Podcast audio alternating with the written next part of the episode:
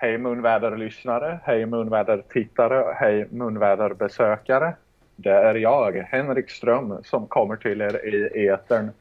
Eh, efter ja, de här glesa uppdateringarna vi har numera. Men vi finner alltid tid för podcast i alla fall. Eftersom det bara är en gång i månaden. Mm. Eh, och Tim ummade här. Mm. Så det är Tim.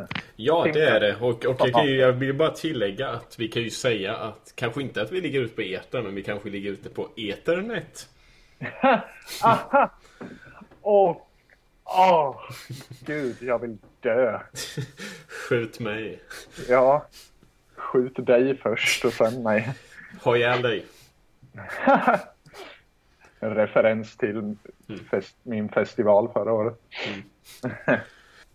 Det, det, pågår mycket i allas våra liv. Så, mm. Eh, men, men Tim har haft tid att gå på Docs, vilket ni sett på hemsidan säkert. Så vi ska snacka lite om det. Eh, jag utlovade att jag skulle göra en lista på mina tio sämsta filmer från 2016, vilket jag inte hunnit eller orkat än. Mm. Så jag kör den listan lite snabbt här.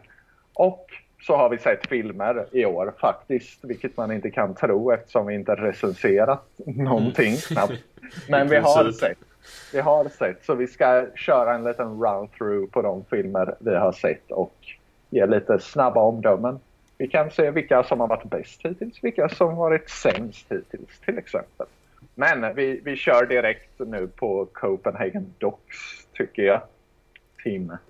Ja. Eh, berätta återigen för alla som är nya för det här vad Docs är för något. Ja, det är ju Köpenhamns internationella dokumentärsfilmsfestival. Som då numera är världens tredje största.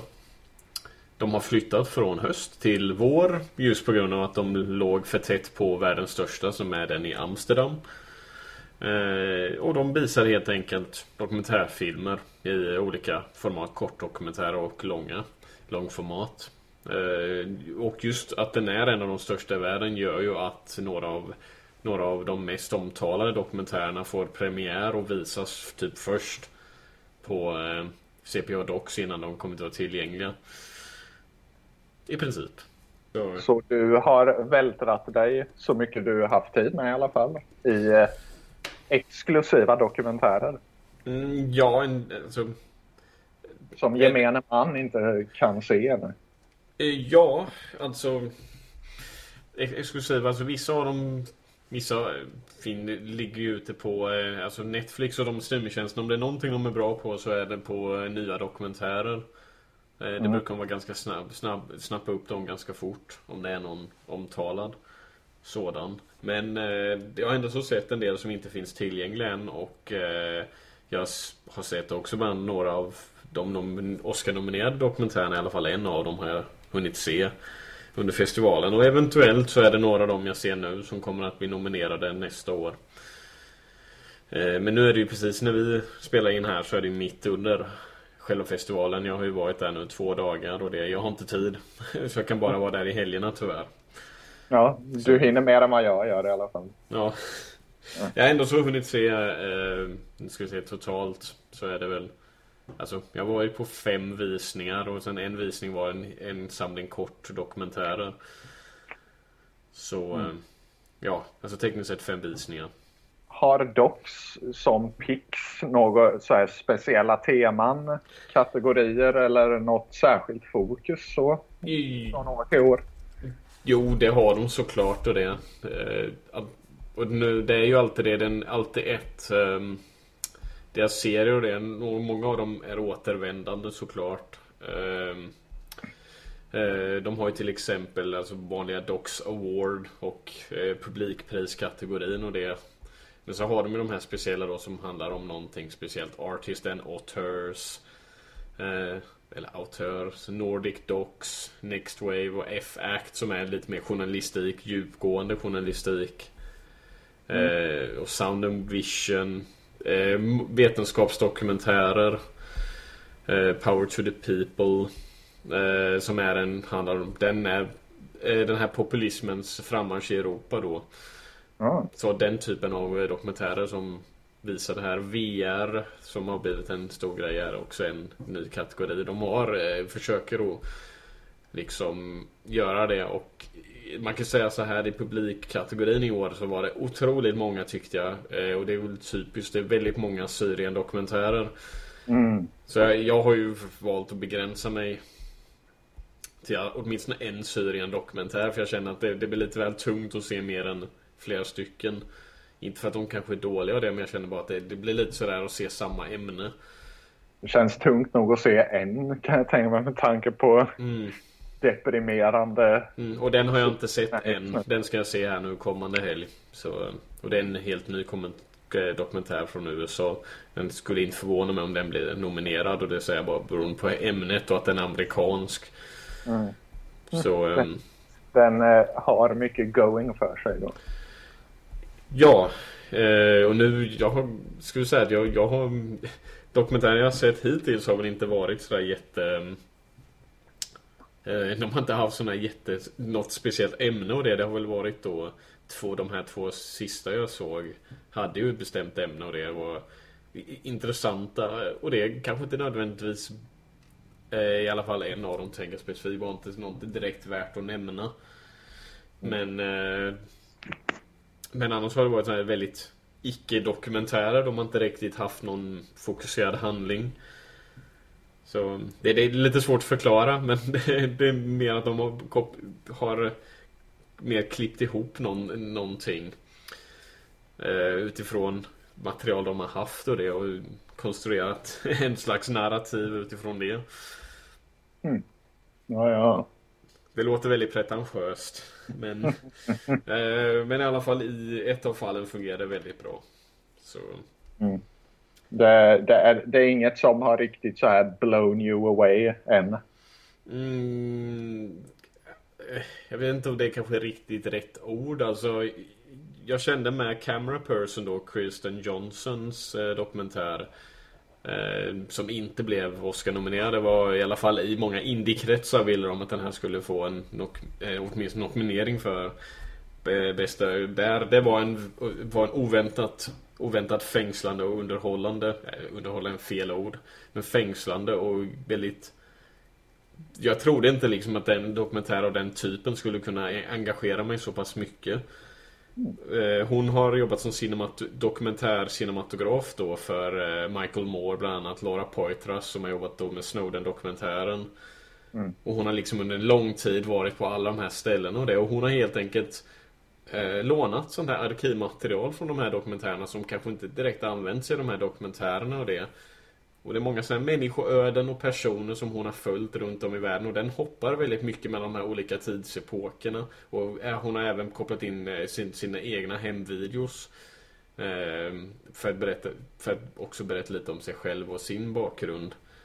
Och eh, sådär, jag är väldigt, förvånad över hur eng- engagerande den var. Den hoppar fram och tillbaka hela tiden. Men de här har ändå så ett, ett narrativ. Och det är personer som har satt sig i hennes minne i princip. Och det säger hon i början av dokumentären. Det här är personer som eh, har stannat kvar i mitt minne. Och, och jag, jag var förvånad av det. Det är väldigt mycket hon bara filmar de här personerna och det. det Det låter intressant. Vad, vad hette den? eh, camera person. Camera person. Mm. Okej, Det Kristen. låter som en rätt subtil referens till eh, Man with a Movie Camera. Mm. För er, för er som... Jag, jag är inte här för att hålla handen till referenser och sådär. Men eh, Man with a Movie Camera är väl typ är den första dokumentären kan man väl säga i filmhistorien. Ja, med Stiga, Stiga Vertov heter han. Verkligen, ja. Mm. Shalovex kinoapparatum.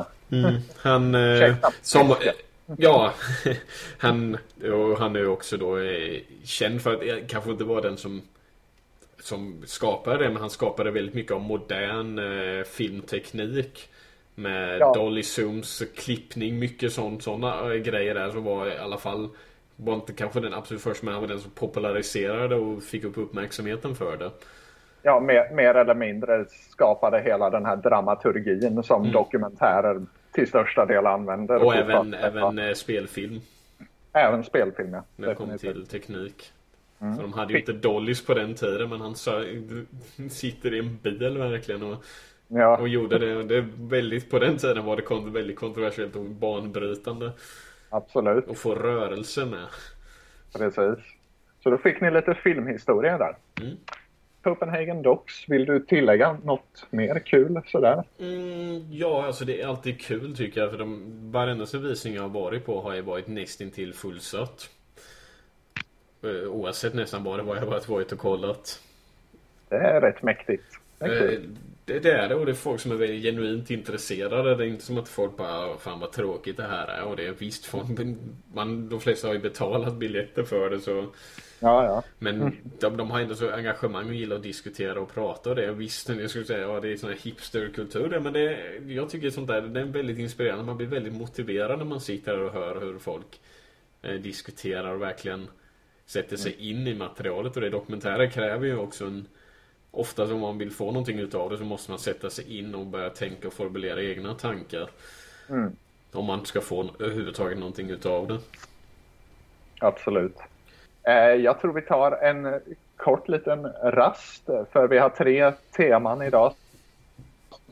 Så det blir två pauser, en paus mellan varje tema. Yes. Så eh, häng kvar till dess. Jajamän. Då ska vi eh, äntligen gå igenom vilka filmer som jag, Henrik, tyckte var sämst 2016. För jag kan inte skjuta på det här med nu. Det är sent nog det här. ja, vi, är, vi är redan en fjärdedel in på året Henrik. Ja, jag menar det. Första kvartalet är inte helt över än. Så, men, men ja, jag skulle gjort det här i januari egentligen. Men, ja.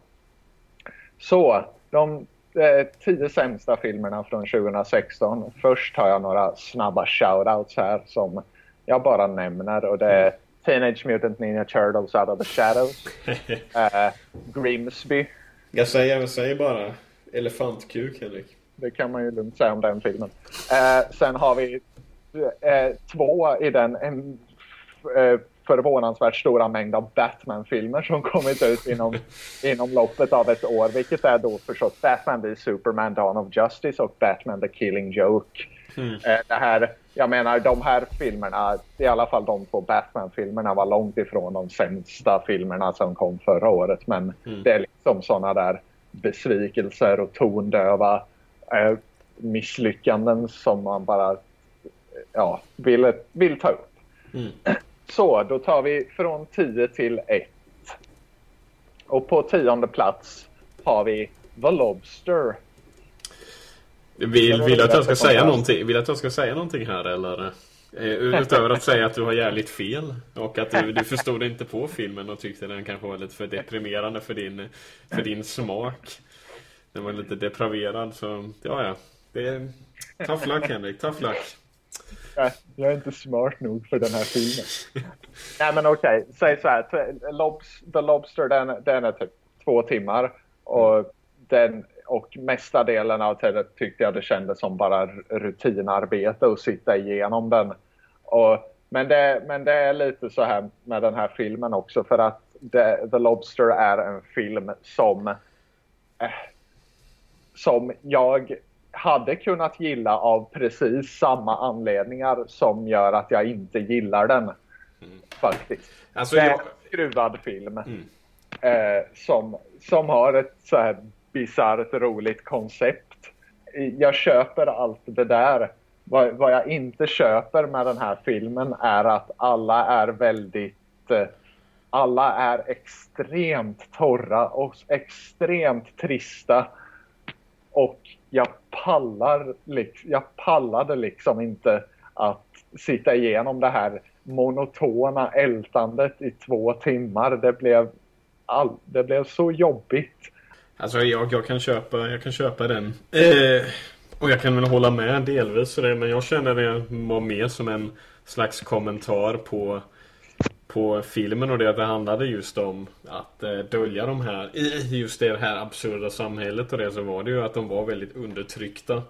Mm. Eh, och liknande, jag kan förstå den är väldigt tradig och det. Och Alltså det här är en film som antingen oftast, jag tror det finns, finns inget riktigt mittenskikt här. Antingen så älskar du filmen eller så hatar du den.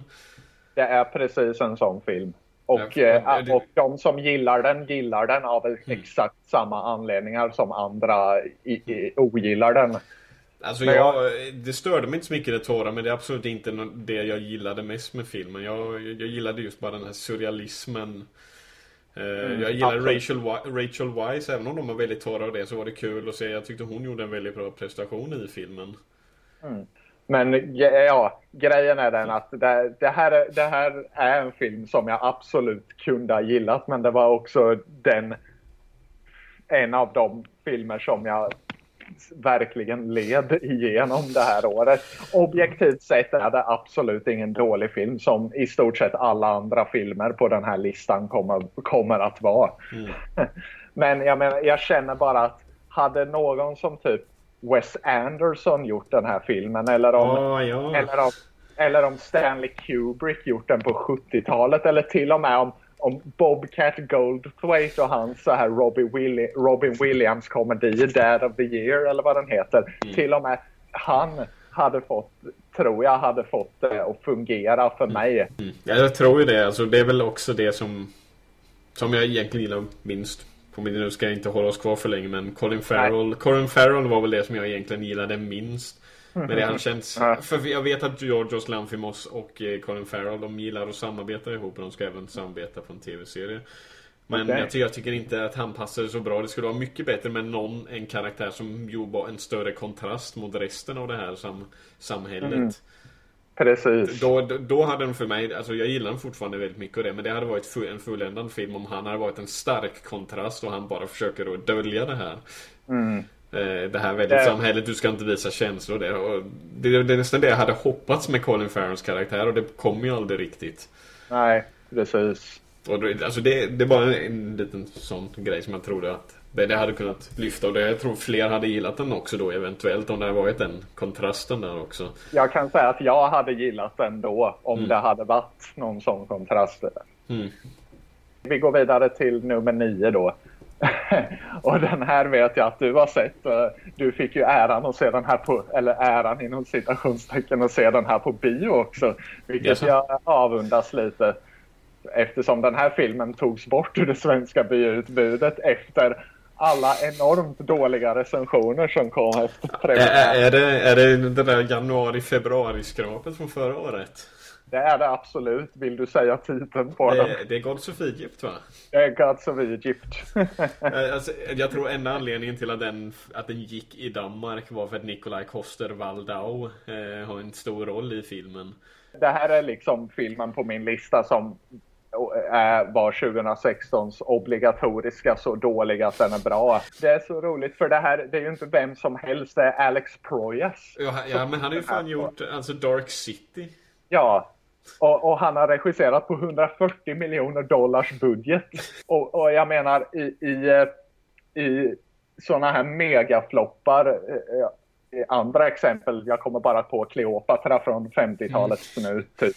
Eh, jag menar, där ser man i alla fall var pengarna tagit vägen. Det må vara en ganska eh, en dålig jävla film, va? men man ser i alla fall att jävlar, ja, de, eh, de använder ju pengarna bra i alla fall till att bygga den här filmen. I Gods of Egypt ser, ser alltså, man ser ju att, okej, det, det är en effekttung film. Pengar, större delen av budgeten har gått till CGI.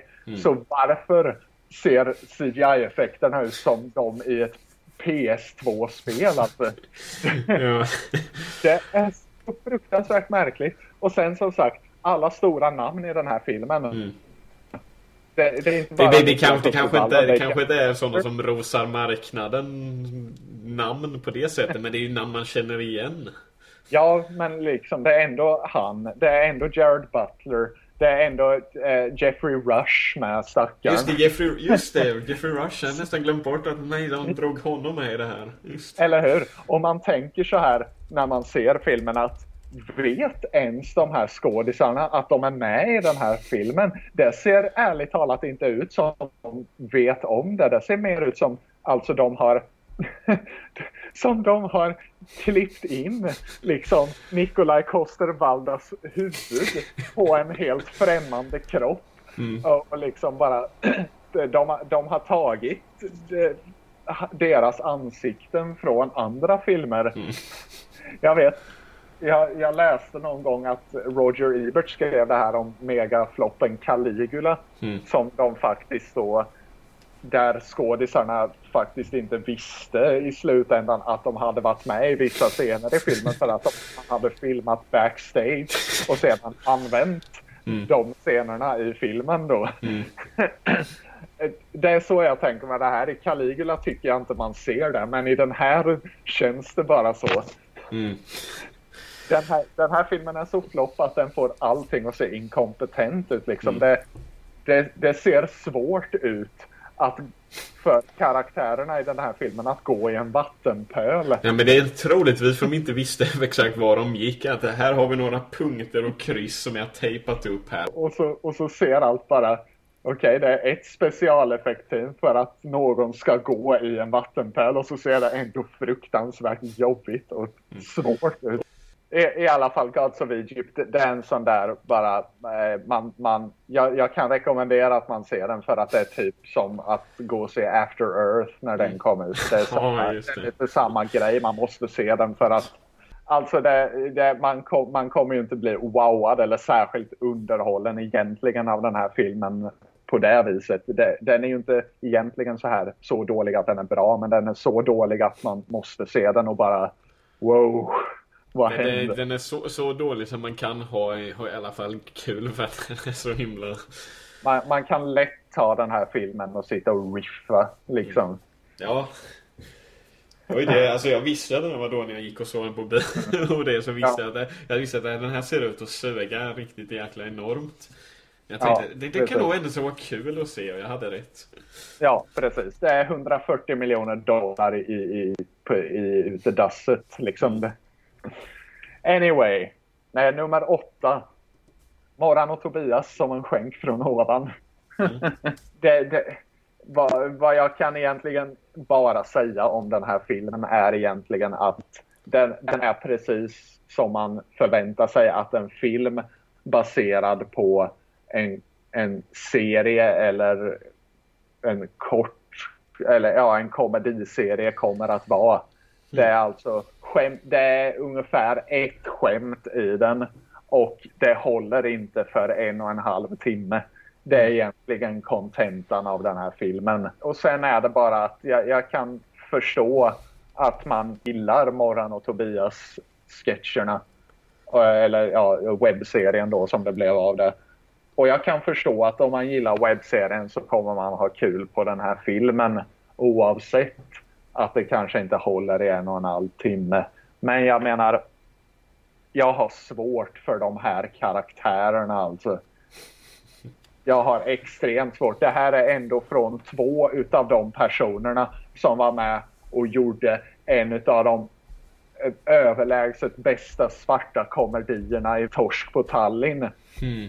Eh, det, det, märks ju då att det inte bara är Johan Reborg och Robert Gustafsson som prickat in den här typen av karaktärer. För i den här, den här sven, svensk white trash-grejen kan vara rätt rolig. Men det här, det här är bara en så gapig och vulgär grej och det, det underfundiga, det liksom lite mörka, tragiska de vill få in här, det är en så pytteliten del av vad de här karaktärerna och vad komedin i Morran och Tobias är. Och det är liksom inte bara det jag känner för, hela, för den här filmen utan för hela mm. grejen med Morran och Tobias. Men, men det genomsyrar filmen så mycket så jag gick in på den här filmen och visste att jag inte skulle gilla den. Liksom. Mm. Så eh, det, det, blir, det blir mest bara Sean Banan-syndrom av det hela. Det blir drygt och det blir gapigt och man, man orkar liksom inte. Man kan få sig några skratt här och där, precis som när man kollar på serien. Men mm. det är inte min grej helt enkelt. Ja. Så därför kom den med. Nummer sju. Vilket också är eh, en jag var tvungen att ha med. Bara för att jag kommer inte ihåg en enda frame av den här filmen. Alltså och det är Misconduct, heter den. En direkt till videothriller, eh, eller ja, direkt till DVD on demand. Eh, med, med stora namn ändå, som Anthony Hopkins, mm. Al Pacino, eh, Josh Duhamel, med, inte så jättestor kanske, men tillräckligt stor ändå. Ja, Al Pacino och Anthony Hopkins dock. Även om de har en del större, större, stora roller och det så vet jag ju att de har gjort väldigt mycket sådana här obskyra filmer de senaste åren. Speciellt Al Pacino har gjort väldigt Båda de två mm. kör ju extremt mycket jag måste betala mina räkningar roller tror jag. Mm. Och det här är definitivt en sån. Al Pacino är som vanligt alltså när han inte bryr sig att han han sitter och pratar som om han pratade ut i tomma luften. Anthony Hopkins gör sin Anthony Hopkins-grej och eh, som han alltid gör. Mm. Och, men och det, det, men det är liksom det jag kommer ihåg jag, jag, kommer inte ihåg. Det, det, är någon slags lag och ordning-thriller liksom. Eller så här uh, advokat. Han ska, och det är någon fifflande företagsmogul. Och mm. uh, Pacino är någon slags uh, veteranadvokat. Och, men det är typ det enda jag kommer ihåg. Även att då att den var väldigt Roman Polanski-aktig. Men inte på ett bra sätt då. Mm. Inte liksom där man ser hur, att, hur någon har inspirerats och verkligen omsatt eh, det bästa med Roman Polanskis stil i, i sin egen tolkning då utan snarare bara att han har copy-pastat lite at random. Mm. det är tre ändå helt okej okay skådisar. Eh, åtminstone en som varit mästerlig och en som fortfarande är mästerlig när han är bra. Eh, och sen Josh Duhamel som är en smaksak. Men, eh, ja, men han är bra ibland och, och trist ibland. Så. Men alla går på autopilot och filmskaparen eh, vet inte riktigt hur man gör film tror jag. Så där. Mm. Den försvann bara totalt. In genom ena örat och ut genom det andra. Liksom. Mm. Nummer sex. Jag ska försöka hålla mig lite mer kort tror jag. Men, ja. Eh, nummer sex, Max Steel. Ja, en, en annan sån där släng mycket pengar på ett projekt. Nu måste vi, nu ska vi försöka att göra en franchise typ. Ja, och fan vilket misslyckande. Alltså, vem, jag menar, jag har ingen som, ingen som helst minne av Max Steel från min barndom. Jag vet inte om det var efter min tid eller om det var före min tid. Eh, så det här är baserad, ja i och för sig, den är baserad på någonting annat så skulle de inte lägga så jäkla mycket pengar. Nej, jag, jag, jag vet inte. Det, det är uppenbarligen inte nostalgifjäskande för mig i alla fall.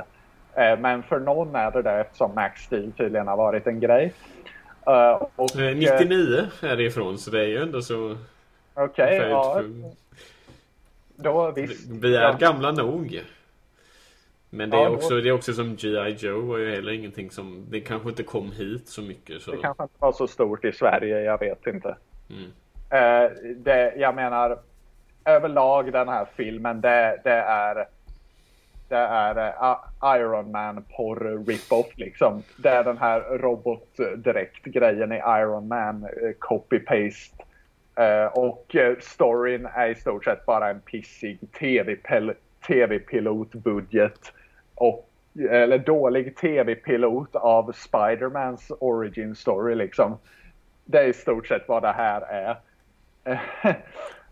och jag har liksom inte så mycket minne av den här filmen annat än att efter att jag sett den här ville jag liksom be om ursäkt eh, till, till den senaste Fantastic Four-filmen för att så, för att okej, okay, du kanske, du, du, du var inte så bra kanske men du var inte Max Steel i alla fall.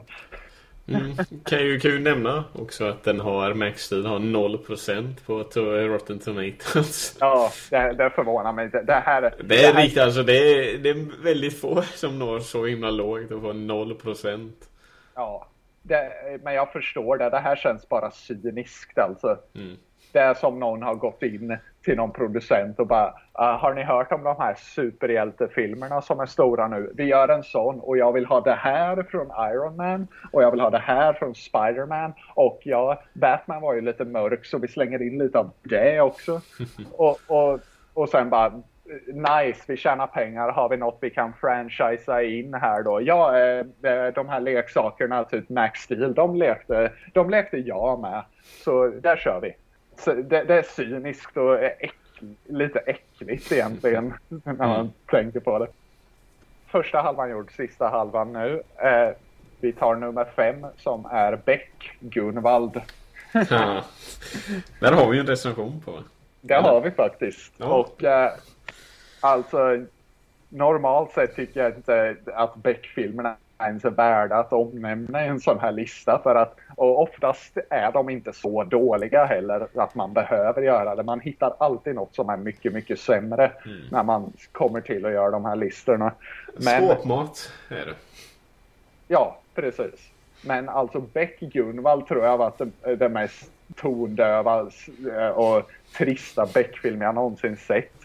Och det här är ändå en film som ämnar att liksom skriva ut Gunvald, karaktären Gunvald ur serien för att Mikael Persbrandt ha, har, an, fått annat på sitt fat. Liksom. Ja. Och, och den heter Beck Gunvald. Det är liksom fokuset ska vara på Gunvald. Det är hans sista film.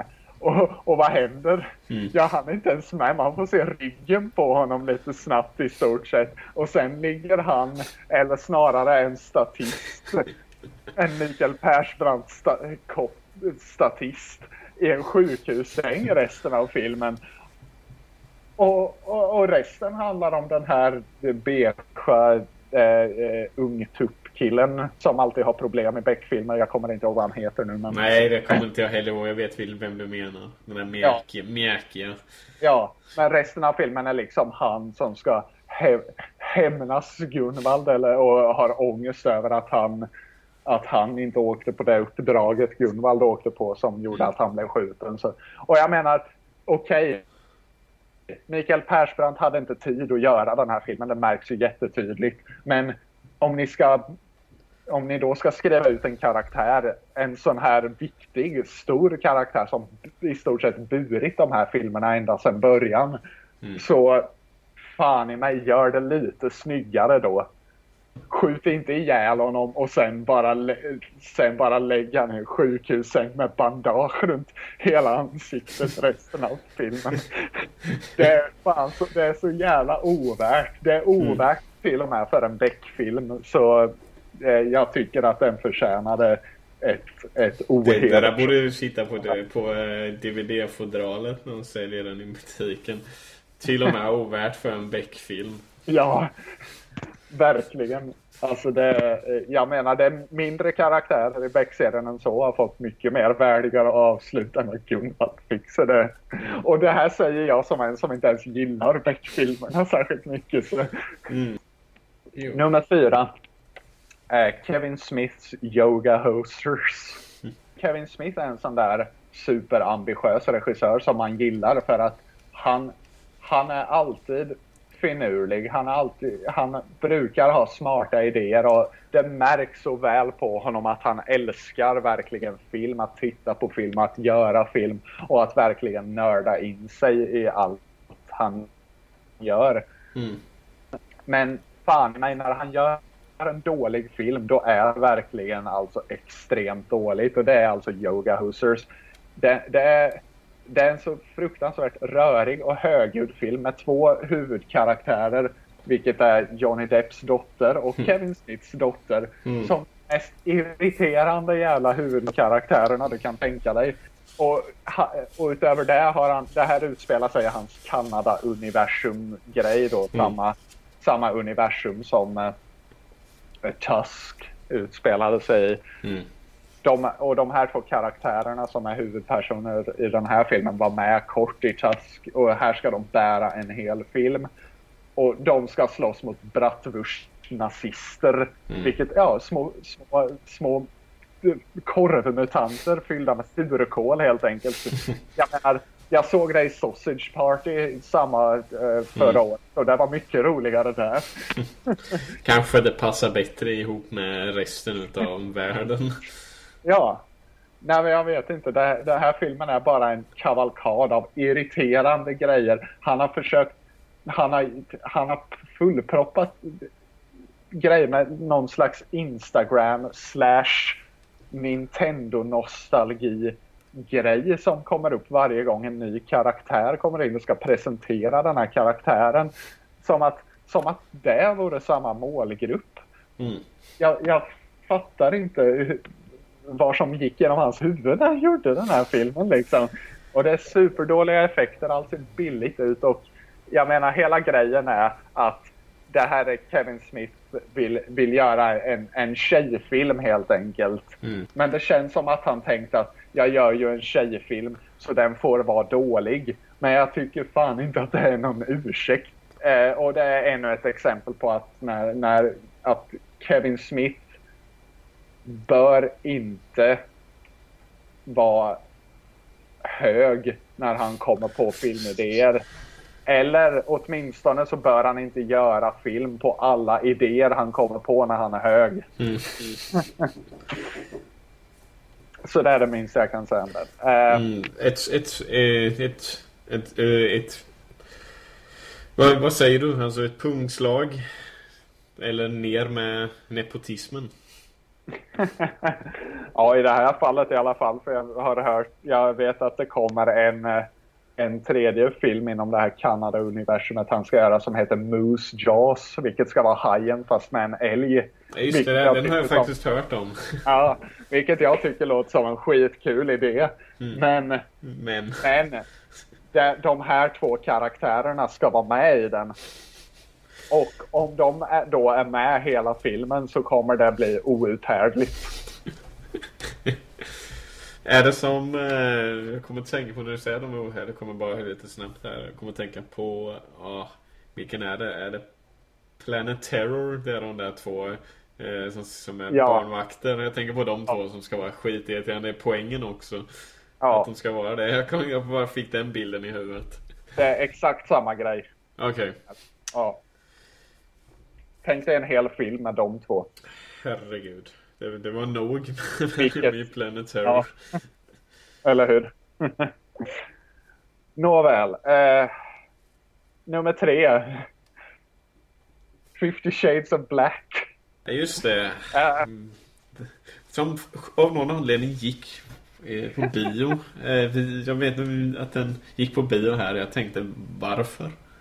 ja, nej men Marlon Wayans eh, är still going, ja, strong inom citationstecken när det kommer på den. Eller Eh. ja, still going. Strong? Ja, Frågetecken. Frågetecken. ja, för eh, Marlon Wayans är ju för alla här, han som var med och skapade hela den här Scary Movie eh, grejen då. Han var med på Scary Movie och sen blev hela den här Ja, det movie. är hela eh, klanen Wayans. Ja, hela balletten där i alla fall. Och, och jag menar det här är exakt samma grej. Det är en parodi på 50 Shades of Bla- äh, Grey menar jag. För, för det behövdes ju, den filmen är ju inte nog med parodi på sig själv liksom. Utan Ja. att vara medveten om det. Och he, hela grejen är i stort sett den vanliga slapstick, den, den här tondöva slapstick-grejen. Den, den, den vulgära könshumorn som är där bara för att vara där.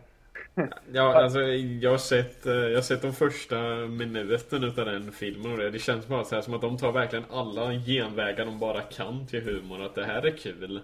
Ja, det är liksom...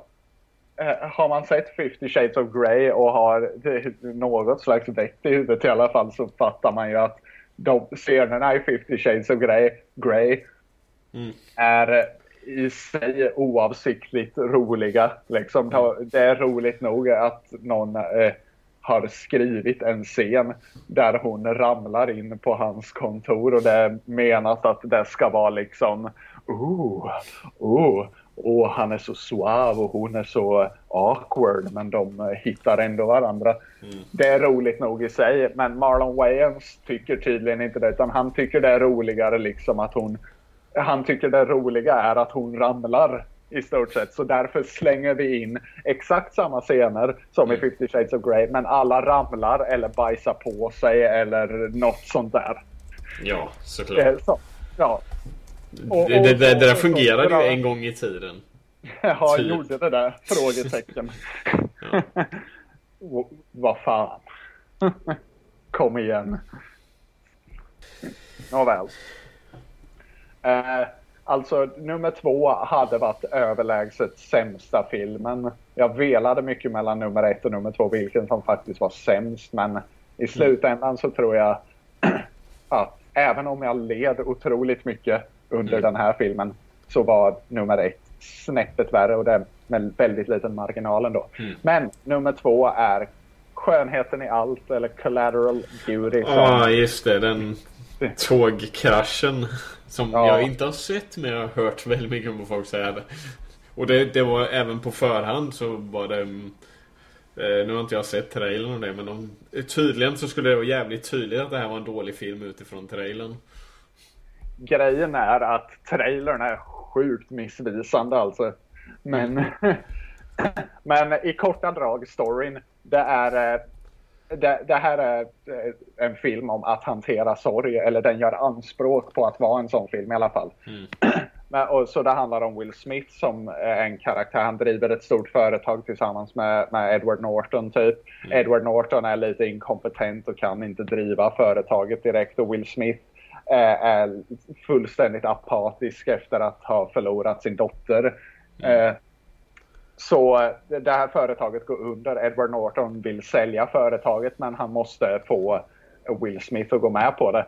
Så eh, hans idé av någon anledning är att hyra in personer som ska spela så här agera som abstrakta koncept inför Will Smith. Alltså de, han hyr en som ska vara kärlek han hyr en som ska vara tid och en som ska vara typ döden. Och så ska de i så här en julsaga-stil gå in till Will Smith medan Edward Norton sitter och filmar det här.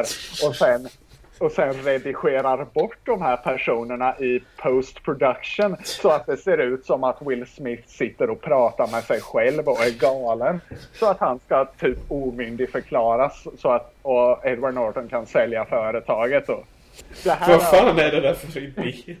Ja, är, är, är, är, är den här verkligen baserad på någonting? Eller är det verkligen någon som har suttit här nu eller och tänkt ut den där historien? Jag har ingen aning faktiskt. Jag har inte kollat på det. Jag ska se här om det, om det faktiskt är någonting. Eh. Men i alla fall, Edward Norton alltså, och de här det är alltså filmens hjälte. Det är alltså en som ska som ska blåsa sin vän och lura han till att han, eh, till att han själv och att alla andra ska tro att han är sjuk i huvudet. För att han ska kunna sälja hans företag. Mm. Och, och, och, och, då har, och då har de mage liksom i den här filmen att ja men vi gör det ju för hans bästa. Det, det är så fruktansvärt tondövt. Mm. Så det är inte sant. Ja. Eh, jag kollade upp manusförfattaren där bara för att se. Han hade någon, någon, någon liten sån här halv half-baked eh, förklaring till inspirationen. Ja. Att han hade alltid haft en fantasi många år om att skriva brev till universumet eller vad det var det stod. Eh, I alla fall, han har skrivit manuset till The Space Between Us. Oh, ja, wow. Sen har han skrivit ihop med andra såklart då. Just Go With It, Rock of Ages, Here Comes the Boom, So Undercover. Okay. Okay. Uh, The Switch 21. Som jag inte... Det är många av dem jag inte känner till. Ja, Wall Street-filmen. Okay. Som kom för sju Money Never Sleeps. Ja. Ja, ah, okej. Okay. Ja, det är lite mixed bag då, då men då kommer den här väl lite närmare Rock of Ages i så fall i hur det här... För Rock of Ages är liksom... Det, det, det, det är musikalporr och det är... Eh, det är 80-tals rockporr i stort mm. sett. Det här är sorgporr i skönheten i allt alltså. Det är sorgeporr och det, det, det är så fruktansvärt i och med att Manchester, eh, Manchester by the Sea mm. från 2016 var en av de bästa filmerna jag sett på jättelänge som handlar om sorgearbete och sorgehantering. Och så, och så den här. Totalt raka motsatsen. Den mest tondöva, vidriga jag sett eh, på jättelänge. jag menar, och det är inte som att det, det är stora namn i den här filmen. Will Smith och Edward Norton. Will Smith som Mm. brukar vara asbra på sånt här. Ja. Eh, Edward Norton som är liksom eh, eh, metodskådis in i minsta detalj. Mm. Läser sina repliker som att han står med ett papper och läser raderna bara. Så jag menar, den här filmen får liksom Oscar-vinnare att eh, verka ungefär lika kompetenta som en dramagrupp på gymnasiet under deras första lektion alltså. Ja, och, och, och ovanpå det då den här fruktansvärt cyniska intrigen som försöker, som vill vara som att jo men det här, det här är ju det här är ett sätt att hantera sorg. Det här, visst, vi är lite out there då, men- men jag menar, det handlar om några som vill väl och skriva brev till universum-grejen. För det visar sig ju sen, spoiler alert, att de här personerna han anlitar som de här abstrakta koncepten faktiskt är de här abstrakta koncepten i verkligheten. Ja. Seriöst. Men de tar ändå betalt för sina tjänster i slutet. i alla fall. Alltså det är, det är en så sjukt äcklig film. Det är som... eh, Ta Extremely Loud and Incredibly Close, också en sån här sorgporrfilm. Eller Wired, eh, filmen om Jim Belushi som kom precis efter hans död. Det är en av de mest cyniska filmerna någonsin tror jag. Alltså de, de har... De kommer inte, ändå inte upp i nivån med, med, med Collateral Beauty alltså. Det är en film jag inte rekommenderar på, på något sätt. Mm. Inte ens så, äh, så att eh, den är så dålig att du måste se det för att tro på det. För jag menar, det är bara plågsamt. Oh, wow. Eh, så nummer ett då, den sämsta filmen från 2016. Eh, och det här valde jag till slut för att re, rent objektivt så, och i, i kombination med mitt, mitt, min, mitt personliga nästan hat för den här filmen eh, vägde tyngst i slutändan och det är remaken på Cabin Fever. Cabin Fever 2016. Mm. Jag ska inte gå in på hur, hur mycket jag ogillar Eli Roth överlag. Eh, så, och hur, mycket, hur fruktansvärt överskattad och hur fruktansvärt dålig jag tycker originalet Cabin Fever är. Det här är alltså en remake på en film jag verkligen avskyr. och jag vet inte, och det, den liksom, vad är det? Slutet av 00-talet tror jag, Cabin, eller någon gång på 00-talet kom Cabin Fever ut. Varför- 2002. 2002, början på 00-talet. Då. Mm. Så då, då tänker jag, varför fordras det en remake av den här?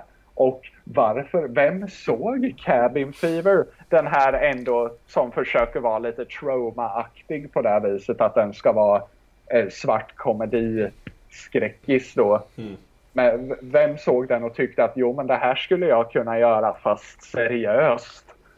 För det, den här versionen av Cabin Fever gör anspråk på att vara en liksom seriös skräckfilm då, utan den här svarta komedin.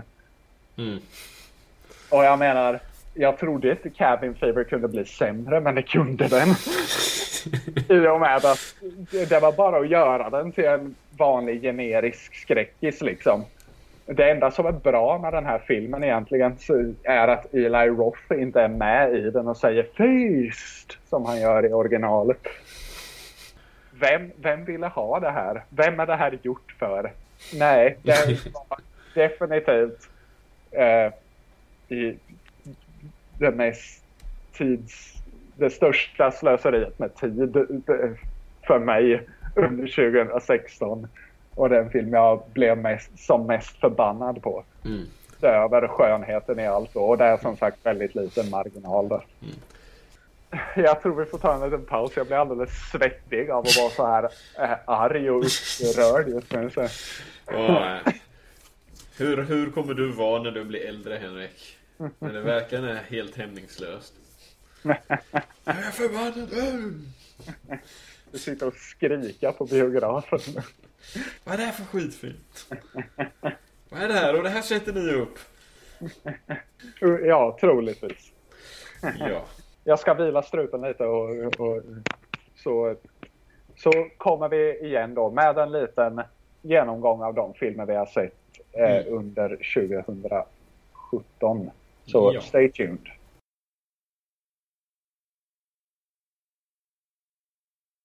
Så, sista temat eller delen för det här avsnitt 25 av Munväder Podcast. Eh, som har fått titeln Docs listor och biodamp. Mm. Eh, Kon konkret och bra. Jag gillar eh, filmtitlar som den den är baserad på. Eh, eh, nu ska vi bli lite mer aktuella än vad jag var nyss. Eh, ja. Vad, vad har du sett Henrik? Eller vad, Eh, vad, har- vad, har du sett som du gärna vill prata om? Det kan ju också vara en skit som du absolut inte vill. Okej, eh, jag har... Eh, jag ska röja några parenteser ur vägen här. Mm. Eh, så som 50 Shades of Darker eftersom jag eh, redan... Eller 50 Shades Darker eftersom jag redan recenserat den. Eh, Resident Evil The Final Chapter, vilket jag... Det enda jag har att säga om den egentligen är att varför sequel-baitar de i en film som heter The Final Chapter. Jaså? De, de, de, de, Ja. gjorde det? De sequel-baitar som de gör i alla Resident Evil-filmer. Så den kanske borde heta Resident Evil The Final Chapter? Frågetecken i tiden. Eh, vi har eh, The Bye Bye Man, årets fjortis-skräckis tror jag, som verkligen var usel rakt igenom. Mm. Eh, The Space Between Us som du nämnde förut. Eh, som verkligen var alltså, bra koncept men tyvärr ganska misslyckad film överlag. Mm. Så då har vi röjt om med vägen. Ja. Eller ja, vi kan säga Goldman med Matthew McConaughey där han gjort ännu en sån här kroppsförvandling då fast åt andra hållet mot vad Mm. han gjorde i Dallas Buyers Club. Uh, också en film som, det var synd att den inte var bättre än vad den var men det, det var ganska meh Mäh. helt enkelt. Mm. Vad vill du prata om? Ja, nu sitter jag ju här helt oförberedd. Ja.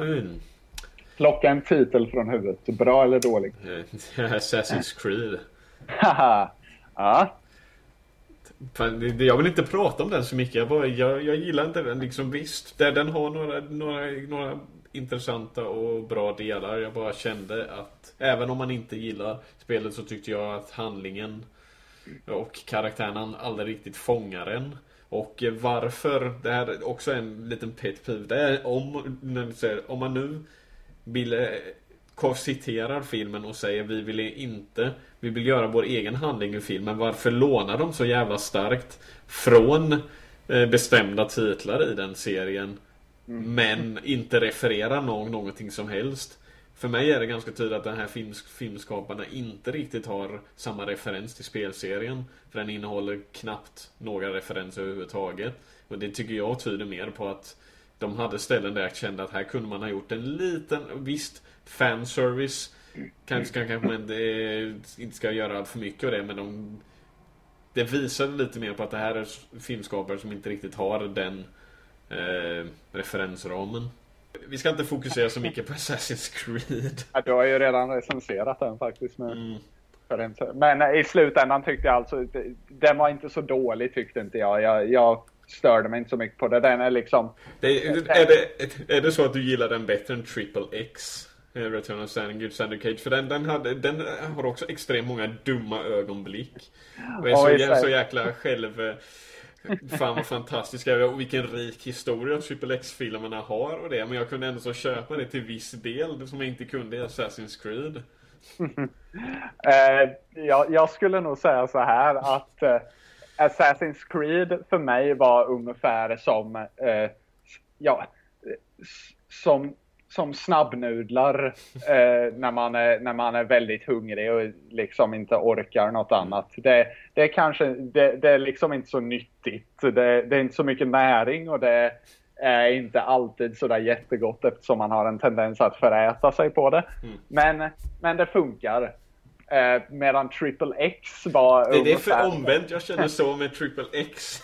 Jaså? Ja. Okej. För jag kände för Triple X som att vara instängd alltså i, i, i en bil som åker där, där någon kör i liksom 150 kilometer i timmen och har sprayat sig så jävla full med Axe body spray att det inte går att andas alltså. Det var Triple X The Return of Sander Ja, Cage. den blev lite för mycket och lite väl tuntig på, på det sättet som, eh, som första, eller de andra Triple X-filmerna var det att fan vad cool och extreme vi är egentligen. Ja, Känns det bara extreme, kolla för. Den tillhörde ju den eran, tidiga 00-talet där. Ja, när allting skulle vara X-games och extremsport. Ja, precis. Så, men ja, jag, den hade jag i alla fall. Även om jag inte gillar, jag är inte så... Jag gillar, nej, jag gillar inte Vin Diesel. Helt enkelt. Jag är knappt någonting där jag tycker han kan vara kul. Jag, jag Eller- kan säga så här att jag, jag gillar honom definitivt inte i den här filmen. Mm. Nej, han är så jäkla douchig. Fy fan vad douchig han var. Åh herregud. Och, och, och just att de slätar över liksom vad, vad de hade för förklaring i tvåan. Varför då Sander Cage inte var med i tvåan. Eftersom de sa att han var död. Det, det, Ja, det, det är ingenting som ens erkänns i den här trean trots att de ändå så erkänner de andra två filmerna. Och den ändå he, heter ändå The Return of... Mm.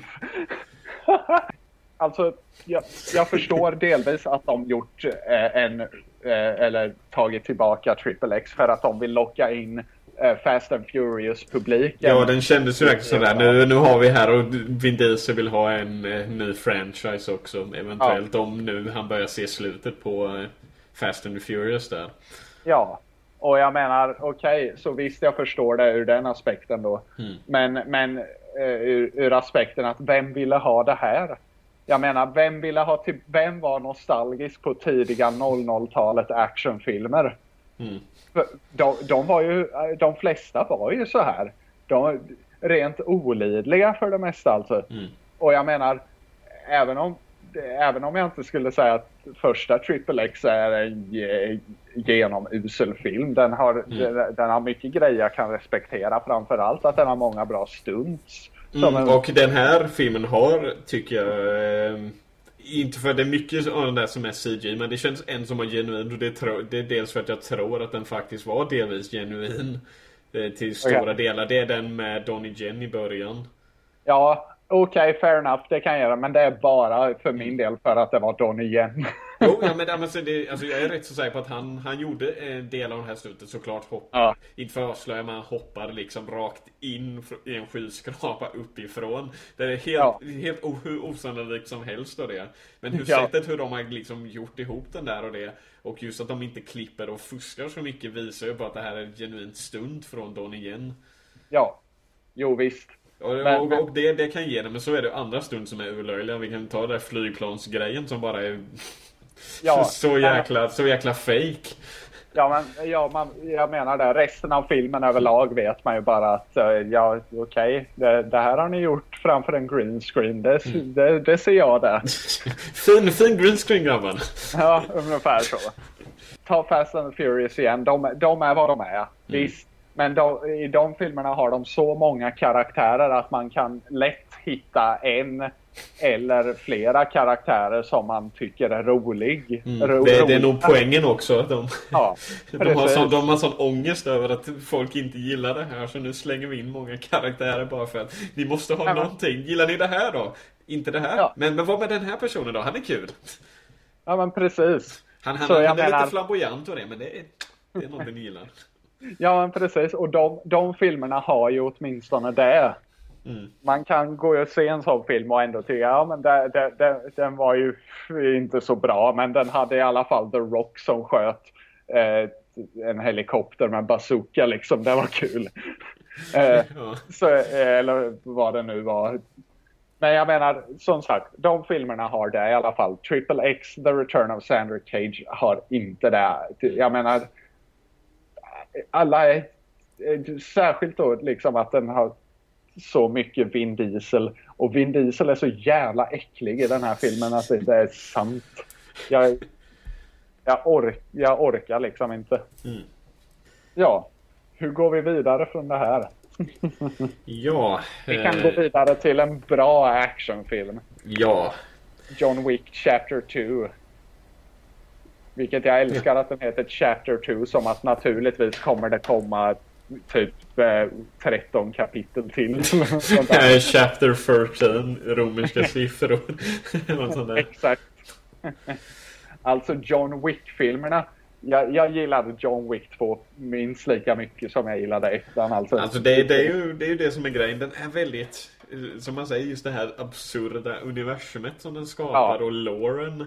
Som, Eller hur? gör det här lite, ja alltså Det är en hel infrastruktur med de här eh, Som den första filmen gläntade väldigt mycket kring Hur Mm. den här världen ser ut, bland annat som där När, när du vet när han har Från första filmen, nu spoiler om ni inte har sett den eh, Men när han har liksom spöat upp och liksom totalt slaktat de här som anfaller honom i hans hem och så kommer polisen och ringer på dörren.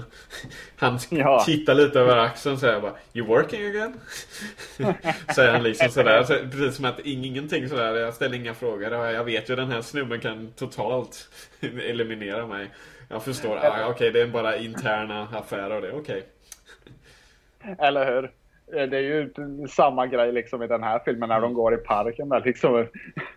alla, Varenda alla, alla är fucking yrkesmördare. Ja men det, det är ju det som är grejen. Alla är det. Liksom hemlösa. Eh, spoiler, Eller- spoiler nu med Chapter 2 här men. Det är så fantastisk koreografi Mm. i, i John Wick-filmerna. Alltså det, det är ju liksom scener där han både slår, sparkar och skjuter sig genom en, en, en korridor. Och jag, jag tänker på den här filmen eh, som hette Cubic på svenska. Ja, just det. Eh, E- Equilibrium? Nej. Equilibrium, jo. Det, Equilibrium. Där de, hade, där de gjorde en grej av det här gun fu grejen Mm. Som var ganska lam i den filmen. Men jag menar om det är något som förtjänar att kallas gun fu så är det vad de gör i John Wick-filmerna alltså. Mm. Där Ja, men, jag, men jag, tror faktiskt just det där gunfu, det, jag tror faktiskt jag har sett det uttrycket användas med att beskriva John Wicks stil. Ja, Att det är en det är- det är en ny ja. typ. Det är liksom... Eh, de hade ju ett namn för det, det som Bourne-filmerna. Jag har glömt bort det. Det var också ett sånt här väldigt snärtigt namn för Bourne Typen av våld med snabba klipp, intensivt. ja högintensivt. Eh, men i alla fall Gun Fu är ju sån där... Eh, ord. alltså och, eh, Jag vet inte, det, det som de har i Chad Stahelski då och nu har jag, jag glömt bort namnet på den där. Jag har lyssnat på en intervju med manusförfattaren för båda. Eh, och det, och eh, han, han har sjukt intressanta idéer. Att han, han sitter verkligen och tänker på så många små detaljer och det. det märks alltså. Det märks att de har lagt ner jättemycket arbete på det här. Eh, Så- Ja, alltså överlag liksom. John, John Wick är liksom, det, det, har, det är inte den första filmen som gör det, men den Mm. har gjort, gjort actionfilm till, återigen då till en postmodernistisk konstform här, där de gör. Ja, Ja, jag tror vi får gå vidare för jag känner jag börjar tappa rösten. det finns så mycket att säga. Ja, eller hur? Men ska vi ta några snabba här? Eh, Mm. Lego Batman vet jag att du sett. Mm, det är Eh, in, ja. inte lika bra som Lego-filmen tycker jag just nu. Nej, Och det, det beror på också just att det, det sliter ut den med eh, Batman. Ja. Det är den karaktär som kanske blir lite för jobbig.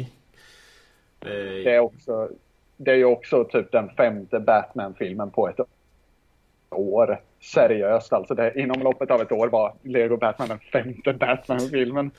Och innan jag såg Lego Batman såg jag en mycket bättre Batman-parodi slash nostalgi-grej i och med Return of the Cape Crusaders. Eh, där de, vilket är Adam West och Burt Ward återvänder då. Så, rolig, mycket roligare i, i, på samma vis som Lego Batman försökte vara. Mm. Så, eh, men fortfarande rolig. ja. Will Arnett är ju en, en bra Batman. Ja, oh ja, Will Arnett är grymt bra Batman. Nu är jag inte lika bevandad som dig när det kommer till Batman eh, och det, men, det syns hur närvarande eh, hur närvarande referensen och kärleken för det IP är i, eh, i hela liksom Lego Batman-filmen. Ja, ja. Absolut. Ja, och sen, sen i övrigt och det. Eh, visst, men så, så är det lite det som jag börjar... Jag är lite rädd för att eh, det här kanske börjar, och, och för min del, att bli lite tunt nu. Att jag kanske redan börjar bli lite mätt på den här typen av Lego-filmer. Ja. Eh, det är den, den, har, den här har många sköna små detaljer och det. Så. Jo, visst. Men som sagt, det kanske inte ska ja. hänga kvar för länge. Nej, men det, det, var en bra och rolig film i alla fall. Det är inget genialiskt på något vis egentligen, men det är helt okej. Okay. Mm. Eh, någon mer lite snabb. Rings såg jag. Har du sett den? Nej.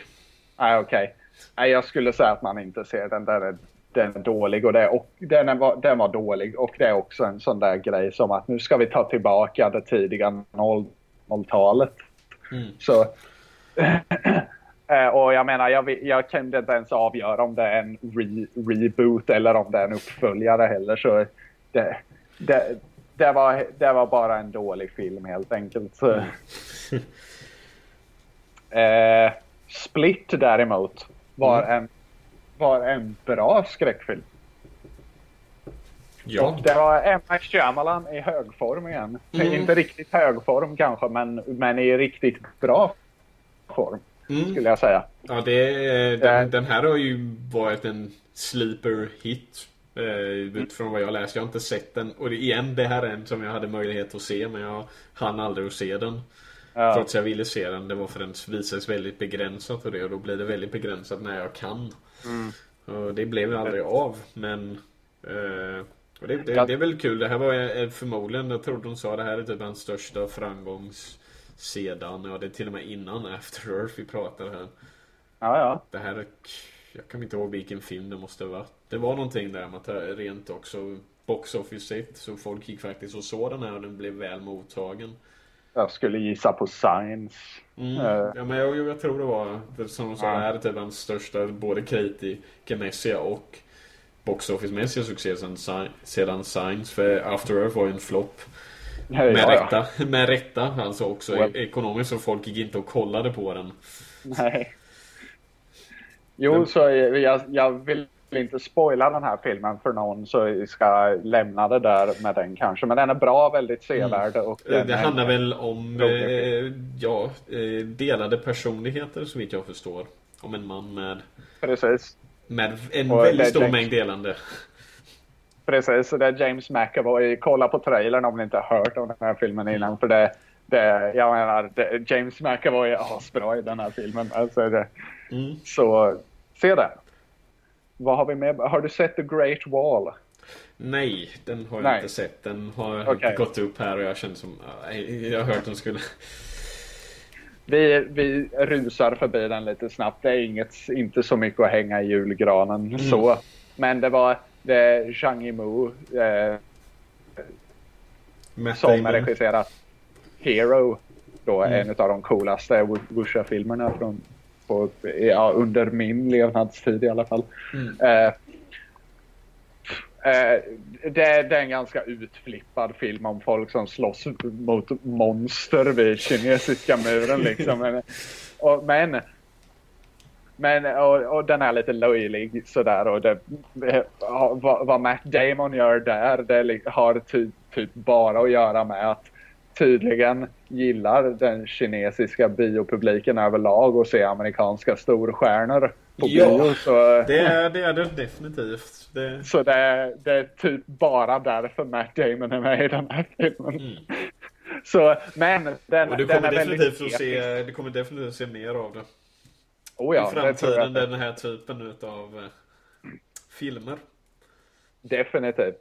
Och jag har inget emot det. För, och eh, jag menar, Zhang Yimou är, en visionär regissör mm. alltså på det här viset. Och han har det bästa med The Great Wall, även om filmen var lite rätt med, så, så är, är, alltså är den väldigt episk. Det, den ser verkligen ut som en episk film alla ja, vad man tänker på när man ser en episk film och liksom mm. inte MTVs Ben Hur, eller ja. som den lika gärna skulle kunna heta från förra året. Mm. Ja, men, äh, alltså, jag skulle nog säga, äh, nu har jag inte sett The Great Wall, men alltså, jag känner till Chang Yimou och det och för er som, för er som gillar äh, Ja, eller som kommer ihåg OS-invigningen 2008 så stod han för den och den var också visuellt slående. Mm. Chang Yimou är, tänker väldigt visuellt. Mm, i, sitt, i, i, i, sitt eh, bildspråk och det. Ehm, jag tror, vänta nu, är det, är det i Hero eh, det är det där med trummorna? Ja. Ja, ja, för, för den, den, det, det är det som sitter fast mest från den filmen. För jag kommer den är helt bara wow. Han är jättebra på det. Och det syns i den här filmen. Alltså, och du, du, ser, du ser jag säger trummorna och Hero och du vet precis vad jag pratar om. Ja, precis. Så ja, den är sevärd för det. Eh, alltså bara för den sakens skull. Mm. Eh, då har vi passerat den lite. Men vi har båda sett senaste Wolverine, Logan. Mm. Det... Och den var bra. Alltså, vad, vad är det med eh, Fox? De har, har en succé. Det har gått väldigt bra med deras superhjältefilmer. Undantaget Fantastic Four. Ja, men, ja, men den, den, existerar, den existerar inte, Henrik. Det är dit, vi, vad pratar du om? Okej, okay, X-Men Apocalypse då. Den, den, den, är, den, den, är, den är med. Det är den. Men ja, jo absolut. Se, alltså, det märks ju att Fox vill köra Deadpool-linjen, eller kan och kommer köra Deadpool-linjen på scen. Alltså, jag, jag, jag, förstår att folk jämför Deadpool och eh, eh, Logan. Även om jag tycker ändå så, bara för att de båda två är R-rated, jag tycker ändå så det visar att eh, Fox, eh, deras strategi med superhjältefilmerna är inte nödvändigtvis en, ehm, eh, att det ska vara helt sammanhängande. Det är mm. att vi, vi gör en, om vi har en häftig idé så gör vi den och tänker inte riktigt i överdrivet stora perspektiv och det. Nej, och, och, det, och det, det, ska de, det ska de ha en ja. stor eloge för. Verkligen. Och visst, nu lyssnade jag på James Mangold då, regissören för Logan. Han, han totalt liksom klankade ner på Marvel-filmerna ut, utan att säga det. Utan att säga det såklart gör han det och pratade just det där om, om hur han menade om att att han är trött på att se filmer som egentligen bara är en eh, slags upplägg för nästa del. Ja, precis. Men det har han ju rätt i. Mm. och det, det, det, är mitt, mitt största problem med, med, med väldigt många Marvel-filmer. Det, det, är inte för att någon av dem har varit riktigt dålig. Det är bara att jag är, jag är ganska trött på att se, se en film där det är att ja, och nu kommer det någonting mer här nästa gång. Så att snälla gör, gör den här storyn Alltså avsluta den istället för att nu lägger vi upp nästa del. För då, den känns aldrig helt fullständig och det. Och Logan är definitivt en väldigt konklusiv Ja Uh, nu känner jag inte till källmaterialet och det. Jag, för vitt jag vet så har de tagit sig en hel del friheter med det. Vilket ja, förmodligen de fungerar till fördel. Oh ja, oh ja. Och, och, det, och det är bara skönt att, att se att karaktären Wolverine som ändå är mm. en ganska rå karaktär överlag äntligen får liksom säga fuck Ja. att, att, att, att han, får vara, han får vara på det sättet som jag förstår han är i serietidningen. Jag har inte läst. Ja men precis. Eh, Patrick Stewart är, gör väl förmodligen sin bästa Xavier. Tycker jag. Ja, lätt. Mm. Lätt. Eh, Absolut, det var jätte jag, jag läste till och med en del som ville framhäva honom till Oscar för den här för den rollen, insatsen. Ja, jo men det kan jag absolut. Det, det köper jag. Mm. Alltså han, och det är det som är grejen för han, han, gör, han gör dels en, en ny sida av Charles Xavier vi inte har sett i filmerna i alla fall. Ja. Men sen också att han spelar så många olika typer här just på grund av att han är lite dement. Ja, verkligen. I, i filmen så han är både så vimsig en, en, energifull och det. Sen är han lite sådär lite, ja, det har en dement. Och sen är, ja. han, sen är han den gamla goda Charles emellanåt. Precis. Det var, alltså, ja. Det, det var en fröjd att se den här filmen. Här. Mm. Eh, och eh, den är otroligt, eh, otroligt eh, igen. Jag gillar verkligen cinematografin. Det är en liten teknisk ja. grej. Jag gillar verkligen hur den var filmad. Precis. Och det var skönt att se en X-Men-film som det ändå är i, på sätt och vis. Som inte har en massa robotar i sig. ja just det, ja, de, de har någon eh, fäbless. De gillar sina... Eh, ja, av, någon, av någon anledning. Ja det är ju Marvel överlag. Så. Mm. eh, nej, så jag, jag hade eh, en och annan nitpick på den här filmen som jag, eh, som jag tyckte tog ifrån rätt mycket. Mm. Eh, men men eh, Exempelvis? Eh, Wolverine-klonen till exempel. Ja, jo, jo den, det, det, där kan jag hålla med om. Det, det är lite sådär, det behövdes inte. Nej, men... Men, liksom, men de, den användes på ett sätt som, som och jag tror det var för att de hade Nej, jag tyckte den användes på ett sätt just där, du vet nog vilket jag menar där, när man inte hade sett riktigt det komma. Ja, jo visst. Men sen, men det var just då man bara, ah, men. Ja, för det, den tar lite bort från den scenen också.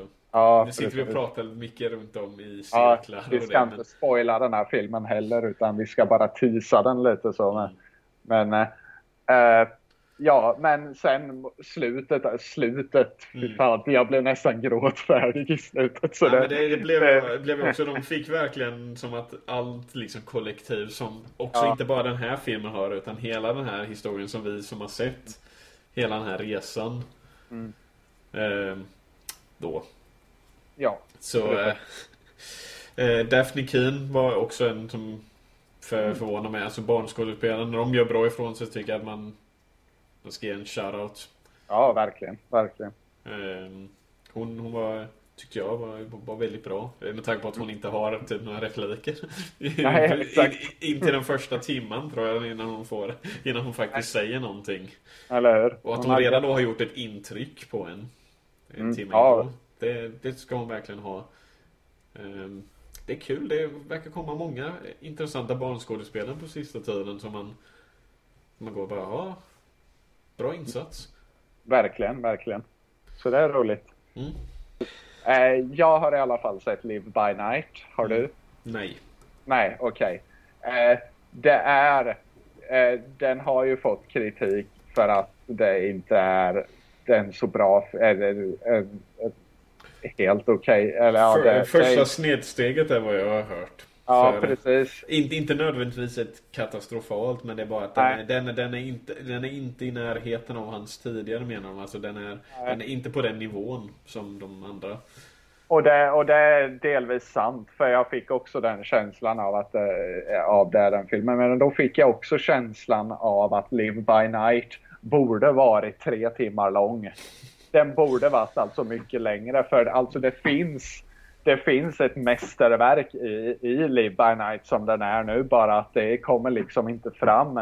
För att jag tror kanske det kan vara så att eh, de som producerat den här inte riktigt väl eh, vågat förlita sig på att ge Ben Affleck en, en liksom tre timmars e, e, epic. För, för jag fick känslan, jag har hört att det finns en version av Sergio Leones Once upon a time in America mm. som är nedklippt i två timmar. Mm. Och jag menar, och det är liksom när man hör det bara nej. Varför? Det var lite det jag såg i Live by Night. Det hade mycket väl kunnat vara liksom Ben Afflecks magnum opus. Mm. Om han hade fått en timme till att berätta liksom. Mm. mm har vi något kvar? Uh, snabbt Skönheten och odjuret, den har du sett va? Ja, jag ja, såg den faktiskt för två dagar sedan. Ja, exakt samma film. Exakt samma film. Det är som... Djungelboken, eh, Askungen. Ja, uh...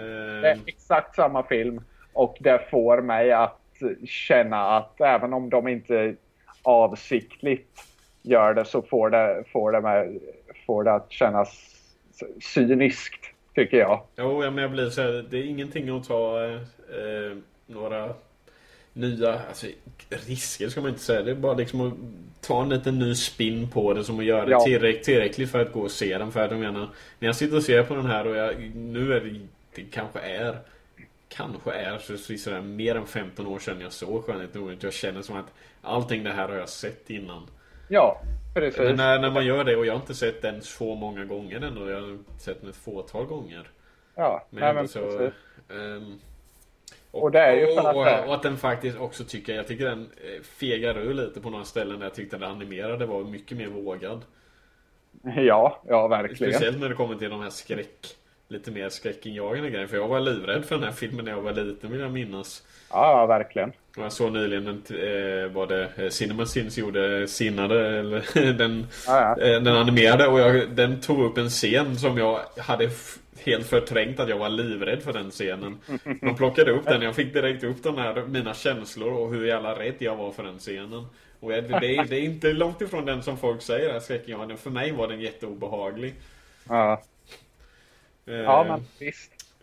Eh, Jo, absolut. Men, jag menar, så det här är ju en shot for shot remake alltså. Mm. Bara att den är live action, vilket är ganska bullshit eftersom åtminstone 70% av den här filmen är animerad CGI ändå. Så Mm. Men eh, det, är ändå så det som är intressant. Att, ehm, och det är det som jag gillar, gillar det, som man kan gilla det är att många av de scener som man tror också är CGI är inte det. Det här är sannolikt den dyraste film som har gjorts någonsin nu. För det läste någonting med hur den har kostat 300 miljoner dollar. ja men fy fan. Ja, det är lite Och sådär. Och det är det. Men det är, det är sådana filmer eller Pirates of the Caribbean som brukar inneha de här dyraste filmerna någonsin. Eller Transformers. Jo, visst. Men, Och här- eh, men de har många av scener, scenerierna och scenerna är ehm, faktiskt, de har byggt det. Det är det som gjorde att den kostade mer. Ja, för de byggde upp riktiga scener. På många av ställena. Såklart inte där några som Ja, utomhusscener. De har inte byggt upp ett riktigt slott såklart. Det hade varit jävligt ambitiöst. Det hade det varit. Alltså, det, i, slutändan, i slutändan såg jag inte så mycket skillnad ändå. Så det, eh, men nej, eh, jag vet, alltså på, Skönheten och odjuret är, är ju mycket bättre tycker jag än vad både Askungen och Djungelboken var. Eh, det är objektivt sett ingen dålig film. Eh, om Och de, de har även hittat bra skådespelare i vissa, i vissa av rollerna. Inte alla, skulle jag ju säga. Eh, Luke Evans tycker jag var en bra fit. Ja, det Som, tycker jag. eh, som Gaston. Ja, det tycker jag. Eh, Det, det, det, är, det, är lite som hans roll i High Rise där. Det är också här kul. Tror Ja, jag gillade Josh Gad som, som LeFou också. Så... Ja, men han, han, jo, han passar också väldigt... Eh, ja, det, det håller jag faktiskt med om. Eh, sen, sen vet jag, kan jag tänka mig den vattendelaren med Emma Watson. Det är en del som inte gillar hennes... Hennes eh, sätt. Hennes metod. Ja, nej, men jag tycker hon var helt okej. Mm. Så det var bara en grej jag störde mig på. Det var lite hur hon sjöng. Inte hela tiden liksom, utan Nej, nej, men det kan jag Eh. hålla med om att det var lite sådär. Och det Men det var- verkligen... Det var väldigt mycket i de här, i de här sångerna alla, vi alla känner till och vet. Så, Mm.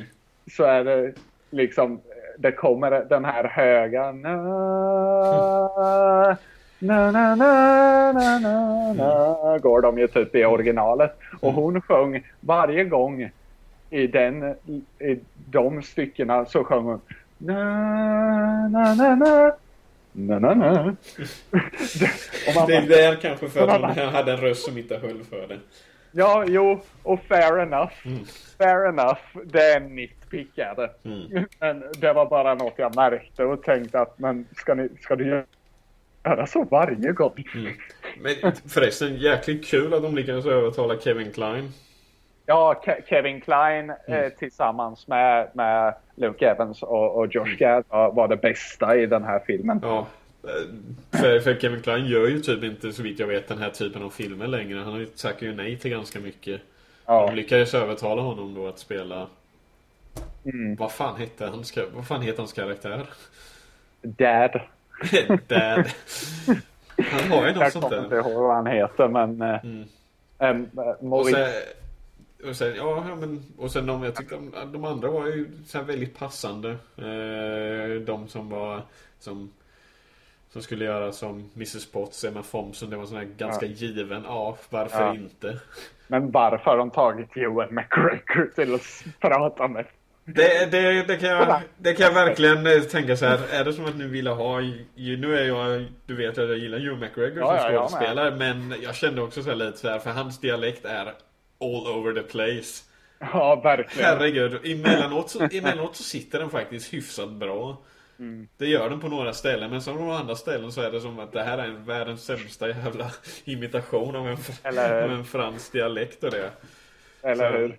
Och, och det, det var väl det som jag fruktade när jag hörde att han skulle spela med. Jag tänkte nej, nu Ja. vänta nu, ska han göra en fransk dialekt? Han är ju skotte. Är, inte, bara, inte bara sån, sån, men alltså skottar och, och fransk. Nej. Det känns inte som att det är kompatibla dialekter. Och, det, och, och, och han har ju en amerikaniserad dialekt han använder för de Ja. flesta filmer. Men, Jo, alltså hur mångsidig Ewan McGregor är när så är han inte så mångsidig faktiskt. in, inte, med, inte med den eh, rösten och det. Han fungerar Nej. i övrigt i karaktär men inte... Ja. Han, han har den karisman för Lumière men han har inte rösten. Nej, precis. Och det är väl det som är för Lumière. Alltså om man nu ska spela Lumière så ska det ju Mm. vara någon som har en väldigt... Varför inte Jean Dujardin eller någon sån där? Ja, men eller hur? Alltså det var bara ett namn jag kommer att tänka på just nu. Jean Dujardin. Han har varit Ja. perfekt. Han har karisman. Han har definitivt dialekten. Han kanske tackade nej. Ja. Alltså, eh, som sagt, det här är ingen dålig film på något sätt. Hade originalet inte funnits så hade jag säkert tyckt om den här filmen. Mm. Eh, men, men som det är, så jag menar, när originalet finns nu som är mycket bättre och så ska man liksom, ja men jag är sugen på att se skönheten och odjuret. Ja, då, då, re, då finns det någon då som rekommenderar den här versionen. Jag menar varför skulle man rekommendera den här versionen då? Tänker jag. Och det är samma med Djungelboken och äh, Askungen. Mm. Det, det finns inget fog för det här. Det, det, och det är en typ av remake som jag inte gillar helt enkelt. 300 miljoner och den kommer lätt tjäna in det och mer därtill. ja, den har typ nästan redan tjänat in det Ja. så vitt jag läste så. Precis.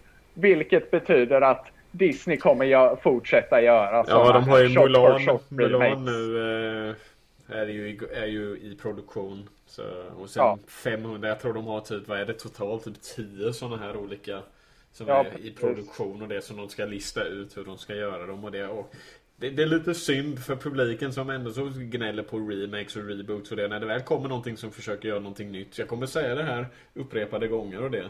Ja, jag Om, om alla filmer det, och får gnäller på det så säger jag sluta och gå på de här filmerna i så fall. Rösta med plånböckerna, säger vi vill ha någonting nytt. Ja, precis. Ehm, och visst, nu du säger det när man ändå så går, när vi ändå så går på de här filmerna och det, men vi går på Ja, de flesta egentligen, filmerna. ja. Mm. Men vi jobbar ju typ. Nej men, Men på tal om liksom filmer som tar ungefär samma story och gör någonting nytt. Mm. Kong, Skull Island. Hur awesome var inte den? Du gillar den mer än vad jag gjorde. Jag hatar den inte ska sägas. Eh, jag, jag, jag håller dock med dig där om att den är, eh, den gjorde någonting eh, nytt. Det gillar jag. Den la in den i en setting som är på något väldigt kittlande och passande. Oh ja. För, för den. En hel, liksom, en hel ny backdrop, backs, backstory i princip. Eh, Ja. Och det finns mycket grejer jag gillar med den här filmen. Ehm, ehm, jag är dock inte... Du kan ju direkt börja säga vad du gillar och det ska jag ju direkt. För jag vet ju vad du tycker och vad du gillar Ja. med den. Ja, alltså jag var genomgående underhållen av den här filmen och det, eh, det är liksom... eh, Och där... Och jag menar, jag var väldigt snäll mot eh, Godzilla från 2014. Mm. Snällare än vad jag borde varit. Vilket var för att Godzilla från 2014, den hade en så jäkla bra tredje akt. Mm. Så att det liksom, jag, jag red på det. Eh, Jag red väldigt mycket på det efteråt. Eh, och glömde av mig lite när jag såg om den och kom ihåg det när jag såg om den då att, eh, att fuck vad, ointressanta karaktärer det är de två första akterna i den här filmen. Och den intressantaste tar de död på, så vilket också jag reagerade på första gången jag såg den med. Men jag menar Kong Skull Island, den, den, den rättar till de här misstagen. För de här karaktärerna, eh, osympatiska som de är i den här filmen, så är de i alla fall intressanta att följa. Mm, som sagt, jag håller ju inte riktigt med där. Jag eh, kände ju karaktärerna här eh, var på pappret intressanta och det. Jag kände bara utförandet var... Eh, och det är, det är inte igen, ingenting fel för de har en otroligt gedigen cast. Oh, ja. Eh, jag menar Brie Larson, Tom Hiddleston, John Goodman, Samuel Jackson. Eh, nu ska vi se, Toby Kebbell var också med. Ja, han var sådär, jaha, nu, han var med C. där. Ja, John, C- ja, John C. Reilly, oj, det får jag inte glömma. Det, det var en karaktär jag trodde jag skulle hata utifrån trailern och det var en av de karaktärerna jag inte hatade så mycket. Nej, verkligen.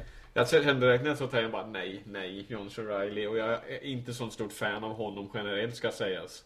Okej. Det var typ den, den, bäst, den karaktären jag gillade mest. Han fungerade väldigt bra som en bra motpol mot allt annat i filmen. Oh ja, oh ja. Ehm, men de där karaktärerna Jag kände bara det, det är liksom att de gavs inte till för mig och det kan, det, Jag vet det här, det här ska ju vara en monsterfilm och det så det kanske inte är så mycket stort fokus på det, men jag kände bara att man Jag kände mig inte så engagerad i det Okej. och, ehm, och speciellt Brie Larson och Tom Hiddleston var karaktärer som var med utan, utan att egentligen de kändes inte som de visste riktigt vad, exakt vad de ville.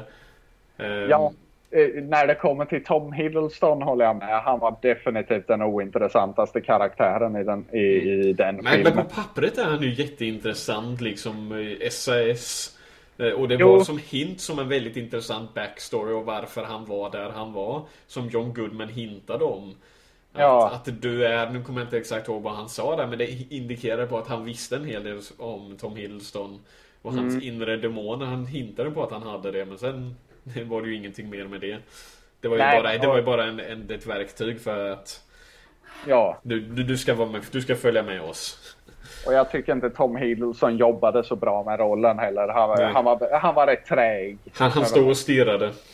Ja, men precis. Han stod och stirrade och lite sådär. Samuel L. Jackson bara går all in som vanligt. Ja, ja men det...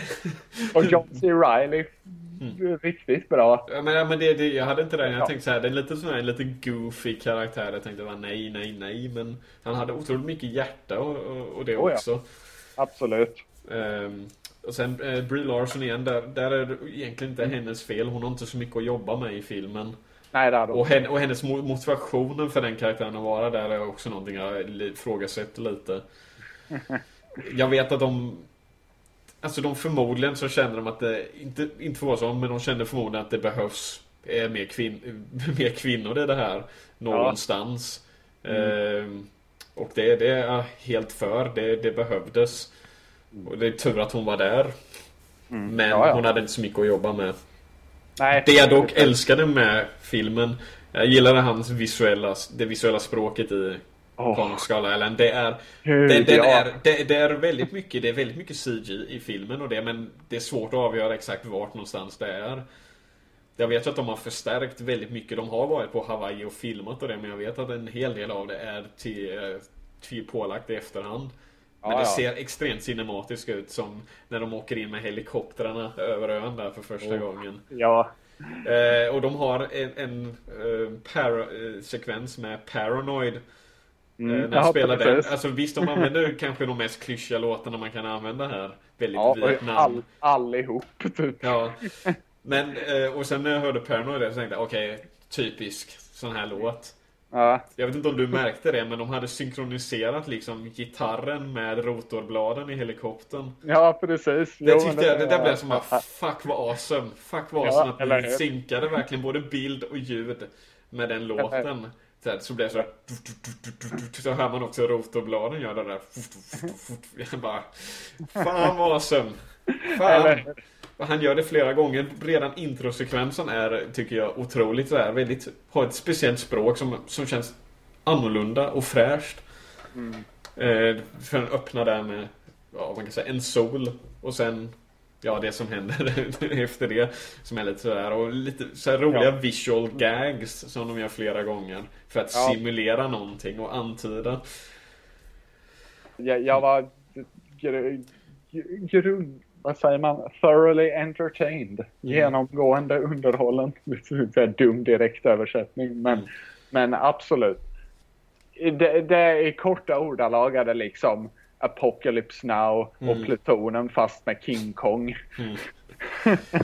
I stort sett. Mm. Alltså det, det kan ju också vara det. Jag var inte heller, alltså Jag tyckte Godzilla var okej men det kan vara att jag just inte är sådär jätte Det kan vara en personlig preferens jag inte gillar eh, Kanske, eller jag är inte så, jag är inte så jätteengagerad med monsterfilmer Jag tror det är dels för jag känner inte riktigt att jag kan Det är svårt för mig att engagera mig Alltså Mm. även om det kan vara liksom awesome att se liksom monster slåss mot varandra och det Så känner jag, Mm. jag vill i alla fall ha en lite mer motivering av det Ja, ja, absolut, det kan jag förstå. Där, där hänger ju mycket på att det är alltså bra karaktärer och, Och, och det även, det även själva Kong och det. Det är frågan där. Nu, den är också en inte speciellt rättvis jämförelse. Men Kong i den här eller Kong i King Kong från 2005.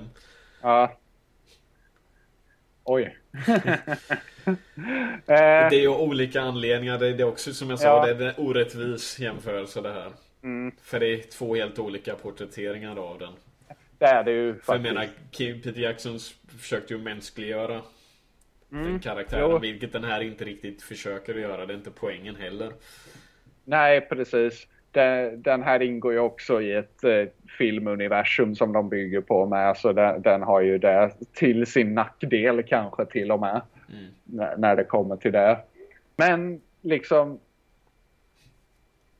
Fan.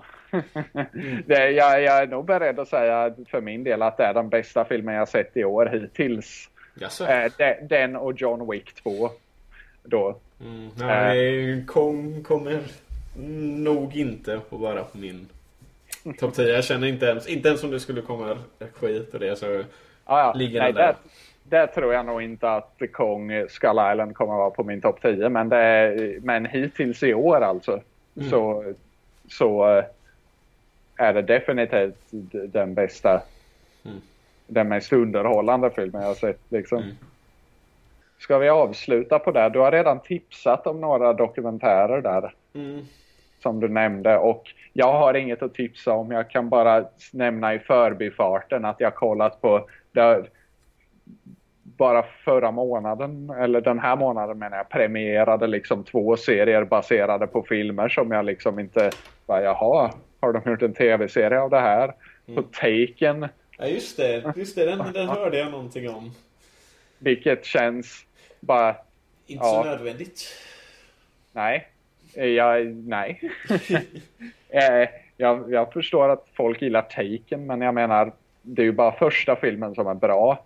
Och, eh, och det, man gillar ju den ändå för Liam Neesons karisma. Mm. Och för att han dödar folk urskillningslöst i den. Så då, då, så då ska vi ha en serie. Serien är en prequel. Jag har sett de fyra första avsnitten. De som Mm. kom hittills nu till dator. Och, och eh, det, det, ja, okej. Vill man ha en light-version av eh, 24 liksom Mm. i, rent tematiskt sådär. Så visst, men jag menar, jag ser ju inte Brian Mills där. Vem, vad han nu heter som spelar honom. Jag har inte ens kollat upp det. Nej. Jag bryr mig inte helt enkelt. Men Snatch har jag sett de två första avsnitten på. Den, den kan man se hela på eh, Crack. Mm. Eller eh, Crackle menar jag. Mm. Ja, Just det, den, den, den som jag trodde var nedlagd. I det Ja. här laget. Men Ja, men det är Crackle original till och med. Så, Mm. och är den värd att se?